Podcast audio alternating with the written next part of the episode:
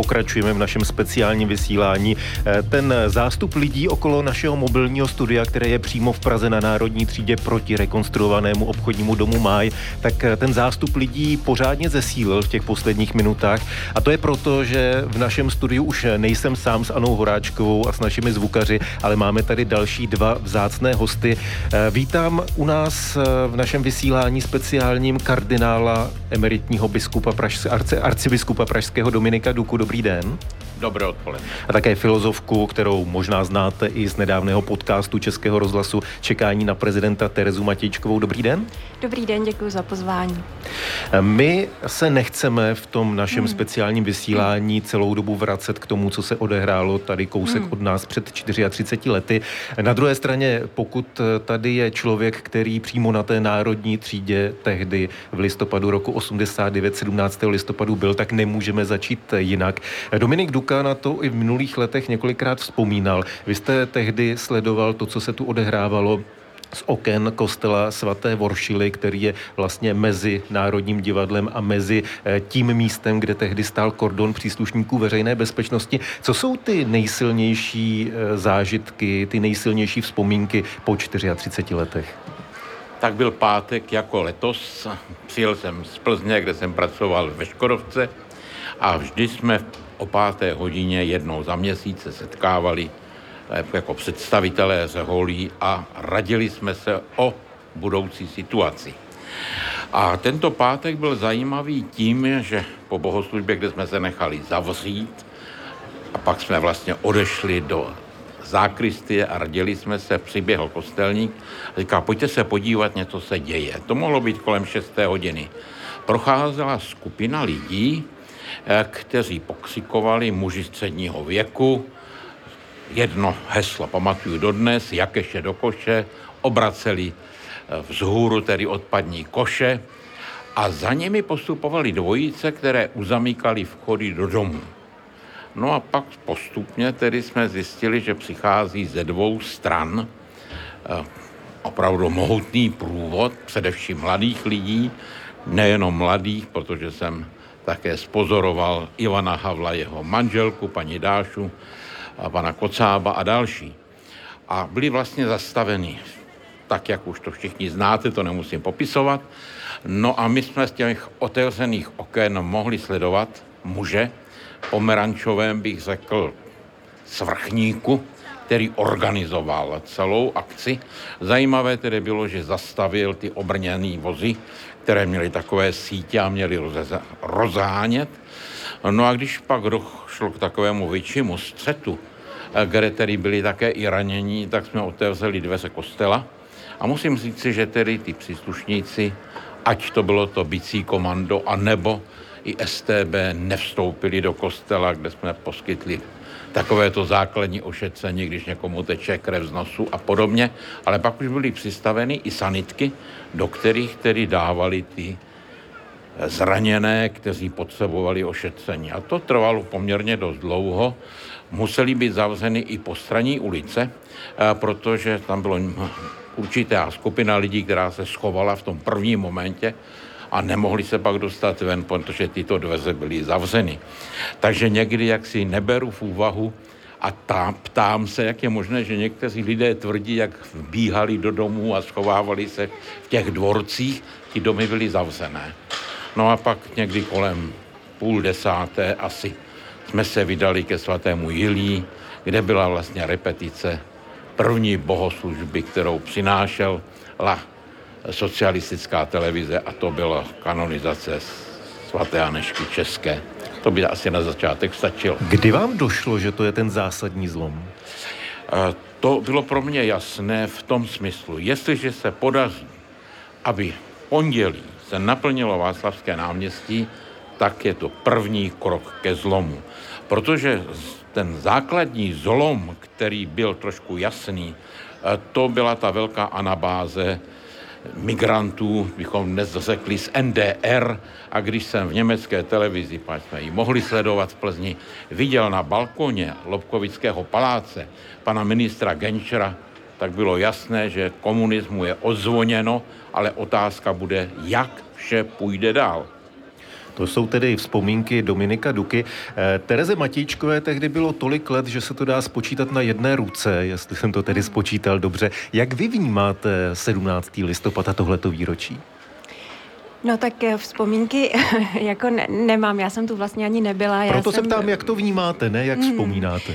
Já jsem vyrůstala i v zahraničí, takže, takže vlastně a, a, a vlastně jsem si to výročí nějak musela teda jako... Mm, zažít sama, jo? to znamená z té teoretické roviny to přenést uh, do svého života a, a v tomto smyslu uh, si myslím, že um, jako ten svátek svoboda, uh, tam nemusí být člověk nějak originální, protože svoboda je skutečně hlavní heslo uh, tohoto svátku a je to zároveň heslo, je to motiv uh, každého života, každý, ka, každý člověk nějakým ohledu by mohl, měl, chtít usilovat o svobodu a vždycky je to, myslím, často máme dojem, že přece žijeme ve svobodné společnosti, což nepochybně žijeme, ale eh, v nějakém smyslu je to taky vždycky mm, úkol člověka, aby nežil jenom v nějaké dobrovolnosti. A svoboda tudíž je v nějakém, osobní svoboda je vždycky v nějakém ohledu, myslím, výjimečná. Není to tak, že se ráno vzbudím a večer jdu spát a jsem svobodná,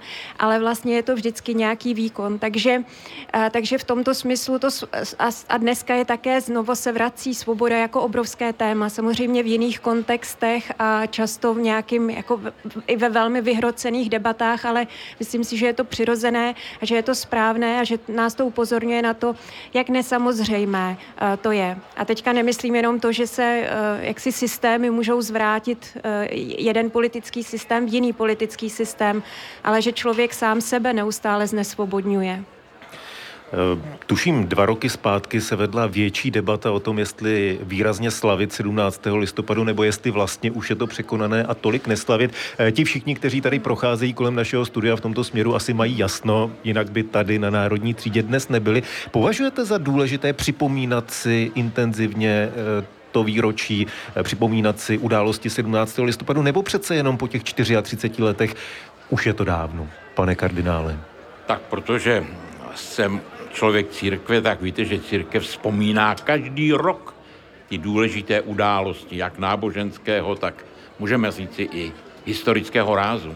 A myslím si, že je to důležité, protože zcela jistě musíme říci, že ta dlouhá doba diktatury komunismu, která vlastně zlomila v velké části národa páteř, byla překonána generací mladých lidí, Eh, kteří neměli tedy tu zkušenost z 50. let těch brutálních zákroků.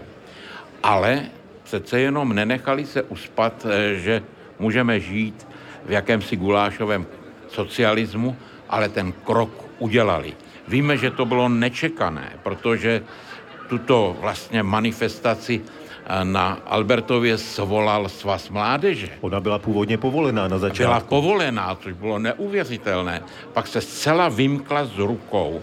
Byla to zásluha mnoha mladých lidí, mohl bych jmenovat Marka Bendu a ostatní, dneska je znáte třeba z člověka v tísni, takže to myslím, že je jako důležitý moment. Já jsem měl možnost ten závěr zažít v pátek ve Škodovce v Plzni. A to bylo trošku zase jiný způsob, protože tam nastoupila garnitura dělníků těch, kteří v 53. nastoupili do generální stávky. Skončili na náměstí republiky. Vzali útokem justiční palác, odkud vyhazovali psací stoly. Čili to byla opravdová, jako bych řekl, revoluční doba. A teď, když jdete s těmi muži, proti kterým já jsem mohl být tak jako vyspomínat jenom na tu stávku. Čili tady bylo už jasné, teď je rozhodnuto. I když de facto bychom si měli připomínat 10. prosince, kdy je Mezinárodní den lidských práv, protože parlament odhlasoval konec vlády jedné strany. Kardinál Dominik Duka, filozofka Tereza Matičková jsou hosty speciálního vysílání radiožurnálu z Národní třídy v Praze. Radiožurnál na Národní. Díky, že můžeme.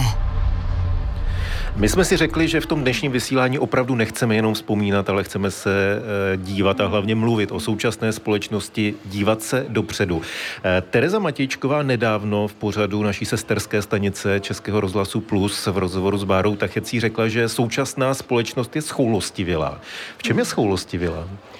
Můžu jenom ještě za, no, zareagovat na to, jen vzpomínat a navázala bych na uh, pana Dominika Duku. Uh, mně připadá vlastně nekorektní říkat jen vzpomínat, protože, omlouvám se, uh, protože uh, on člověk nikdy jenom nevzpomíná. Vzpomínání uh, je vždycky zároveň nějaký výhled do budoucna. Jo? To znamená, nelze vzpomínat tak, že se uzavíráte v minulosti, protože vy vzpomínáte na něco, podle čeho vlastně chcete žít, co je pro vás důležité. Uh, takže uh, jen vzpomínat nelze nikdy jo, v, v, tomhle, v tomhle ohledu.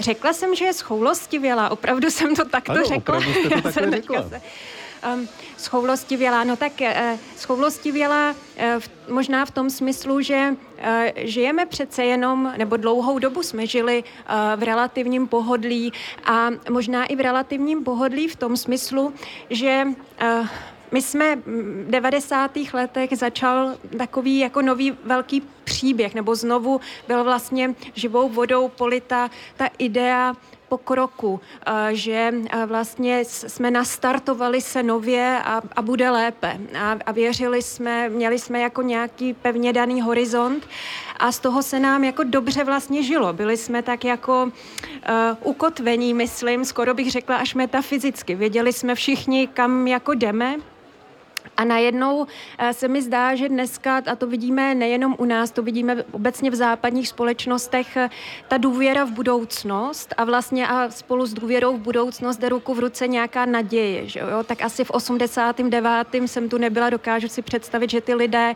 byli neseni obrovskou nadějí.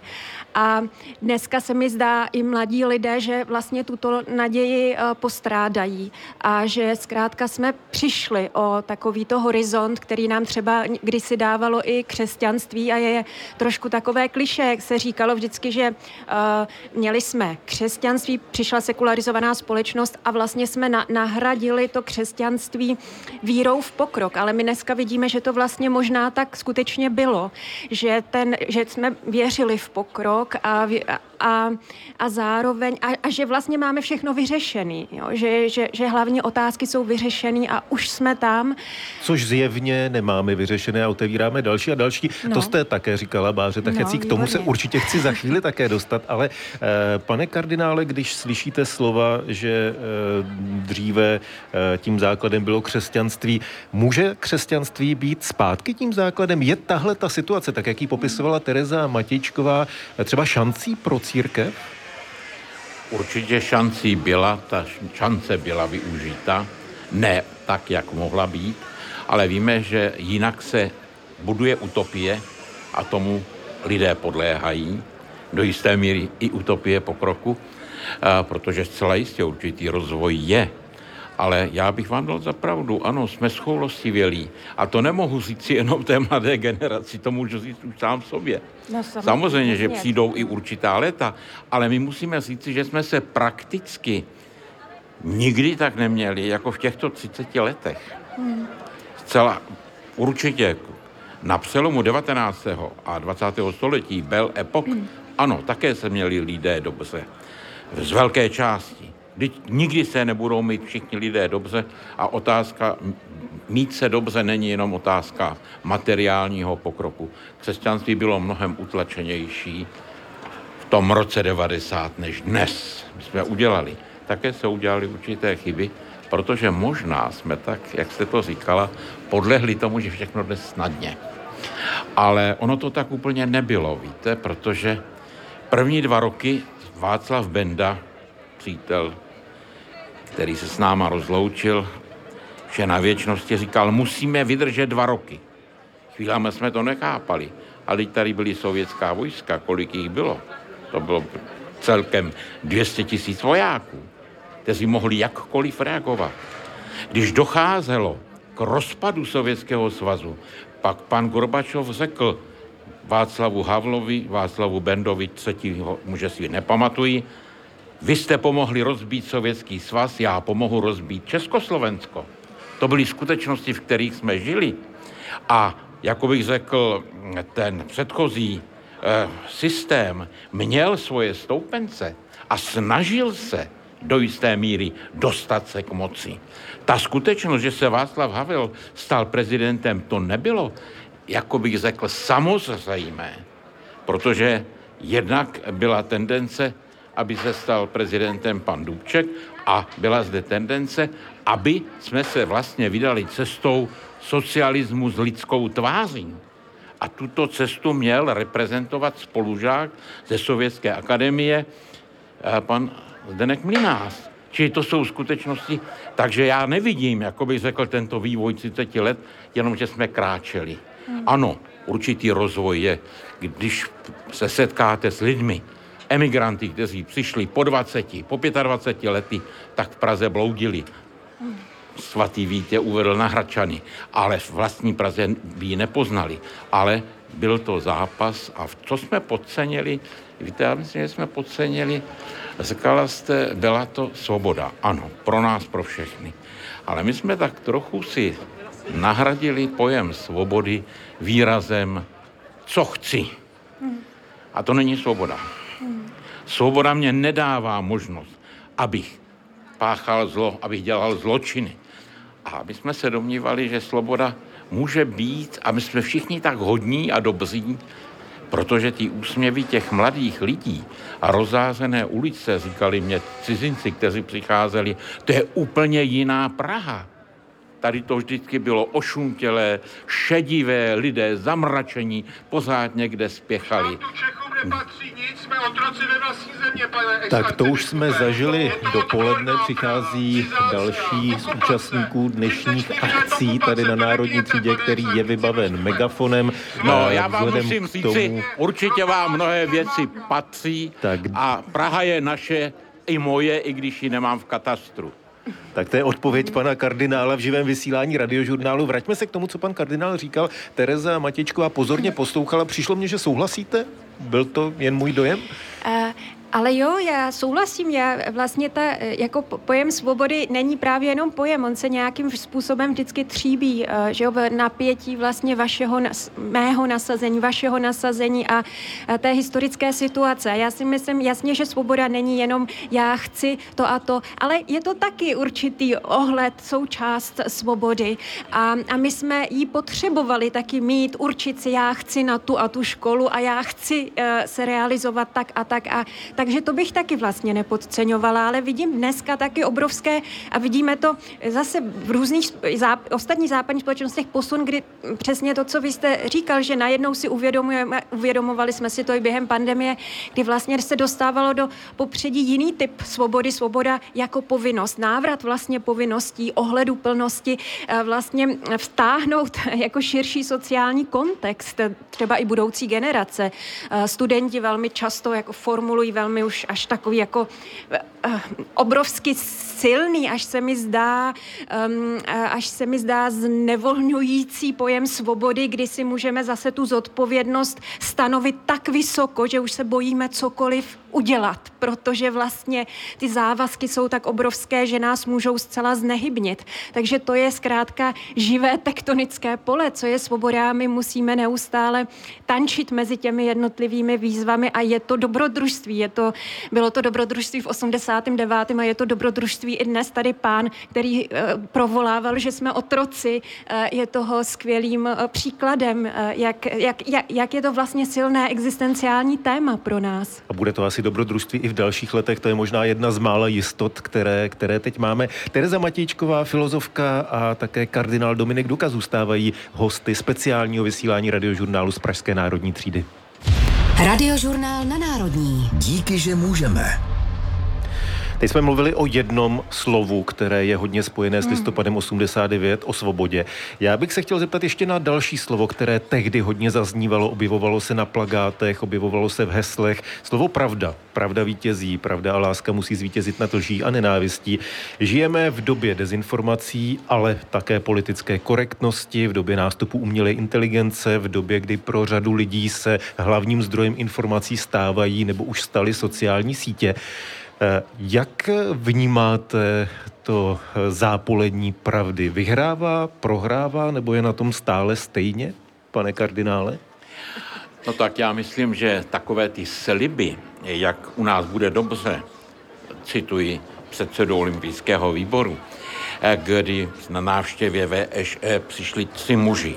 První byl Walter Komárek a řekl, za rok, za dva jsme na tom jako Německo. Přišel pan prezident Klaus, tehdy tedy ještě nebyl ekonom, prezident. to byl minister financí, budoucí a říká, deset let, ale musíme si utáhnout opasky.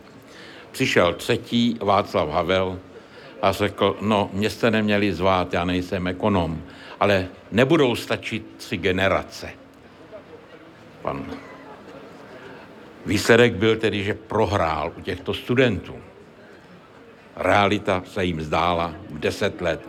Vidíme, že to nestačilo těch deset let, ale myslím, že největší prohra, nebo to, co nám právě chybí, jsou právě ta dvě hesla. Pravda a láska. Ale ty obě, pravda a láska, potřebují svobodu, jinak vás umlčí. A ta určitá nespokojenost naší společnosti je, že musíme říci, eh, že právě ta neprávem chápaná svoboda, co chci, nám jako znemožňuje často, abychom také stáli za pravdou a láska bez svobody také není možná. Čili tady jsou určité prvky, které naši společnost, jako bych řekl, deptají mnohem víc než inflace a všechny ostatní jevy, které tady jsou. To je můj názor. Má stejný Tereza Matějčková? Určitě, tak pravda, láska, svoboda, to jsou obecně velká slova a um, já, mě vlastně ty témata, která vy jste zvednul, jako dezinformace, dezinformace, postpravda, konspirační teorie, že to jsou všechno nějakým způsobem komplexy, které nás taky uh, zajímají, ale zároveň uh, já bych byla obezřetná, aby jsme to slovo pravda láska možná taky nenadužívali, protože se to potom ošoupá a, a když všechno vlastně převedeme na boj uh, naprosto vyostřený o pravdu, kdo, kdo, kdo lže a kdo má pravdu, tak uh, možná o tu svobodu taky přicházíme bavíme, protože často přeceňujeme to, eh, že se bavíme, jestli se bavíme skutečně o otázce pravdy, že jo, spousta otázek prostě není otázka pravdy. Je hranice mezi pravdou přesně, a názorem. Pra, přes, přesně tak. Tímhle, tímhle směrem jsem šla, děkuju, že jste to lépe schrnul než já. A, a já bych vlastně, mě se, um, a protože jsem tady s kardinálem Dominikou Dukou, tak mně se líbí vlastně pojem pravdy, který je spjatý s tradicí, uh, s křesťanstvím i s filozofií a to je pravda jako svědectví. A, a tam, tam hraje roli i nějaká opravdovost, to znamená, že pravda pro mě je důležitá ta pravda, která je kryta nějakou zkušeností, uh, něčím, co vlastně, kdy člověk může dosvědčit, tohle jsem zažil, bez ohledu na to, jestli na to mám data, uh, jestli na to mám uh, studie, jestli jsem mi tleská 100 lidí nebo mám 200 lajků, ale vlastně je tam nějaké moje osobní nasazení a, a tohle je moje zkušenost, tohle je moje poučení a zatímhle já si chci stát a nemůžu vědět, jestli je to stoprocentně pravda, protože co můžu vědět, ale ale chci, chci vlastně za to s nějakým nasazením stát. Připadá mi důležitý být vlastně ochoten stát za něco, i když vím, že to třeba, že, že nevím, jestli je to pravda. Jo? A, a tam třeba vstupuje i uh, další uh, velké slovo, které bychom mohli říct jako odvaha. Odvaha hájit něco, uh, co třeba, kdy, kdy já vím, že si jistá být nemůžu, ale stejně to chci hájit bez nějaké formy agresivity. A často ta, ten nárok na pravdu, tu agresivitu tam vlastně vnáší. My už bychom měli končit, usmlouvali jsme ještě několik minut, protože ten rozhovor je zajímavý, jsme rádi, že vás máme, tak eh, já toho využiji a navážu na to, co Tereza Matičková už se k tomu dostávala asi před čtvrt hodinou, to, že v té současné době otevíráme otázky, o kterých jsme si možná mnozí před těmi 30, ale i 20, možná i 10 lety mysleli, že je máme vyřešené a že se otevírat nebudou. Eh, pane kardinále, musí tohleto přicházet, je to zákonité, anebo by se někde mělo říci, ale stop, další takovéhle otázky neotevírejme, protože to třeba pro naší společnost není dobře?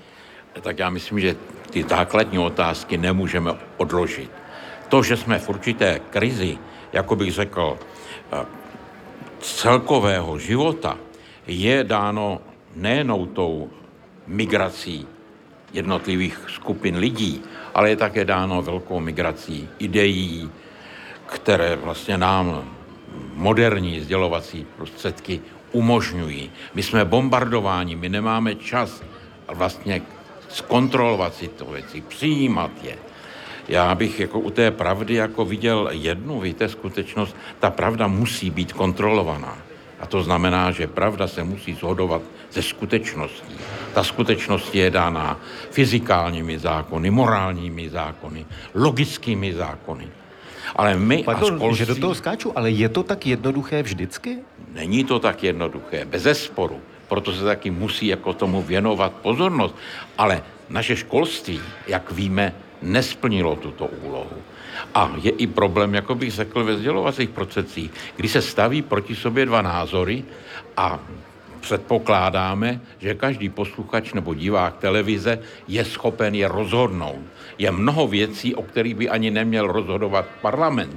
Protože nezlobte se, například otázka energií, využití jaderné energie, kdo z pánů poslanců může o tom rozhodovat? Dva, tři. Proto tady by mus, musí dojít k určité, takové bych řekl, i politické reformě, aby se věci, které se musí řešit odborně, medicína, zdravotnictví, to nevyřeší parlament, to musí vzít do rukou sami odborníci v medicíně a potom i politici, aby to dali do společnosti. Ale parlament se nám stává, že soustavně jedná o rozpočtu a všichni víme, že to, co nedáme na daních, tak to nedostaneme. Čili tam se jenom hádáme o to, jak se porveme o ten koláč. Tak teď jsem zvědavý, jak bude reagovat Tereza Matíčková. No, navázala bych, že to není tak jednoduché, protože ano, my máme nějaké vědecké pravdy. Viděli jsme to během pandemie, um, data o očkování, uh, akorát, že potom žijeme také v demokracii a uh, my nemůžeme vlastně implementovat bezprostředně vědecké poznání, uh, protože uh, ono má společenské dopady a e, není jasné vlastně a vždycky zvažujeme, vždycky jsme v konfliktu nějakých, e, e, nějakých priorit a tam si myslím, vidíme to i v klimatické krizi. Máme třeba nějaký koncenzus vědců, ale jak to řešit, to už je jaksi jiná otázka, co omezit, co pustit, co, na co položit důraz a tam právě ty politici musí vstoupit i běžní občané. Tak mě by hrozně bavilo pokračovat v této debatě další půl hodinu nebo možná hodinu. Doufám, že někdy budeme mít ve vysílání Českého rozhlasu tu možnost, ale bohužel eh, tohle vysílání má nějaký scénář, takže eh, děkuji za to, že jste přišli sem k nám do mobilního studia na Národní třídě a budu se zase někdy těšit eh, na setkání s kardinálem, s emeritním arcibiskupem pražským Dominikem Dukou. Naschledanou. Nasánou a díky vám a díky za pozornost. A také s filozofkou Terezou Matějčkovou. Díky, nashledanou. Já vám taky moc děkuji, nashledanou.